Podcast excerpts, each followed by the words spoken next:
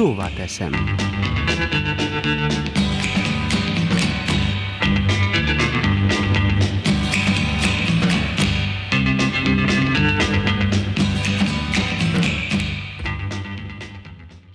A kötelező védőoltásoknak a rendszere az Jugoszláviában, illetve Szlovéniában is jelen van a környező országokban is, Magyarországon például bizonyos kötelezettségek vannak más, más országokban is.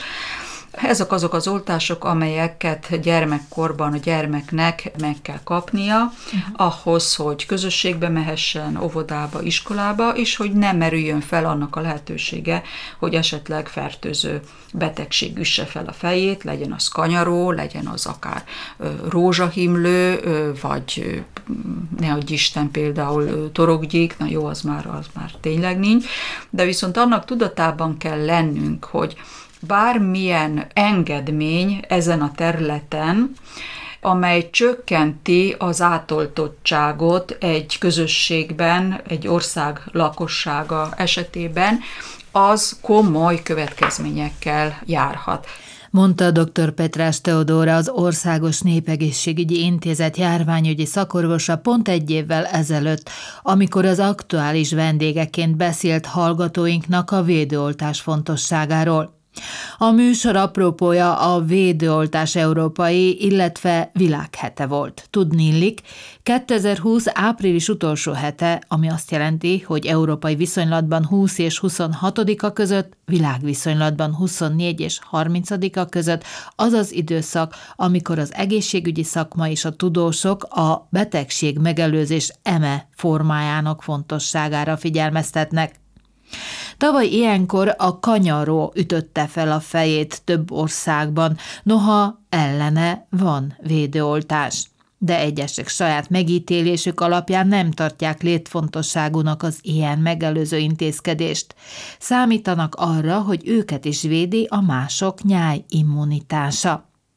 A nyáj immunitásról akkor beszélhetünk, amikor egy populációban olyan sokan ellenállóak egy adott betegséggel szemben, hogy az nem terjed tovább. A legtöbb esetben 80-95 százalékos immunitás szavatolja ezt.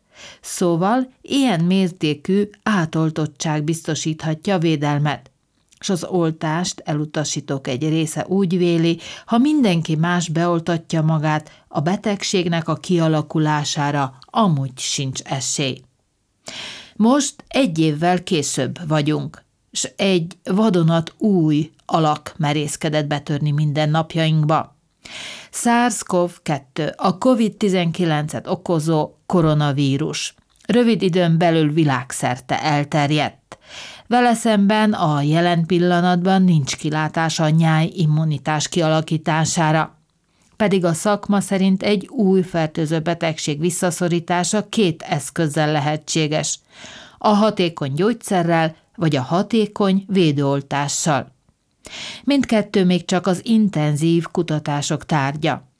Pedig sokan vannak olyanok, akik féltik a sérülékeny csoportok tagjait, s most szívesen bevennék a nem teljesen biztosnak minősíthető új orvosságot, illetve megengednék az injekciós tűvel történő behatolás szervezetükbe, felvennék a védoltást csak azért, hogy ne terjesszék a koronavírus járványt.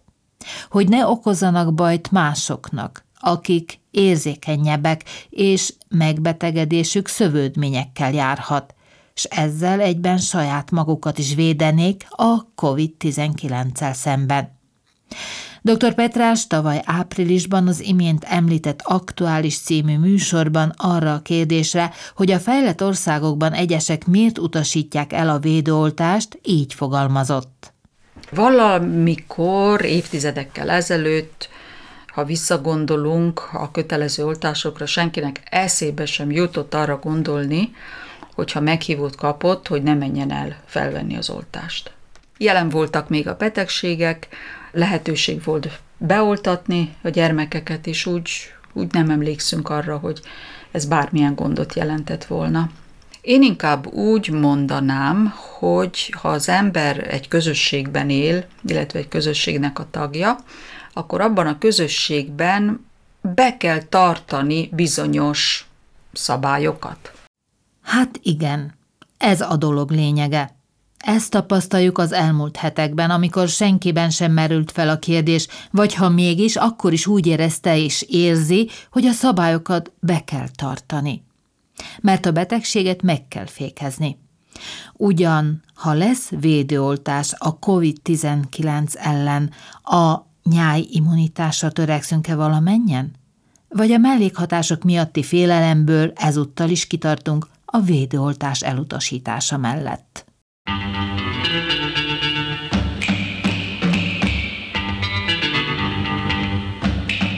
Szóval teszem.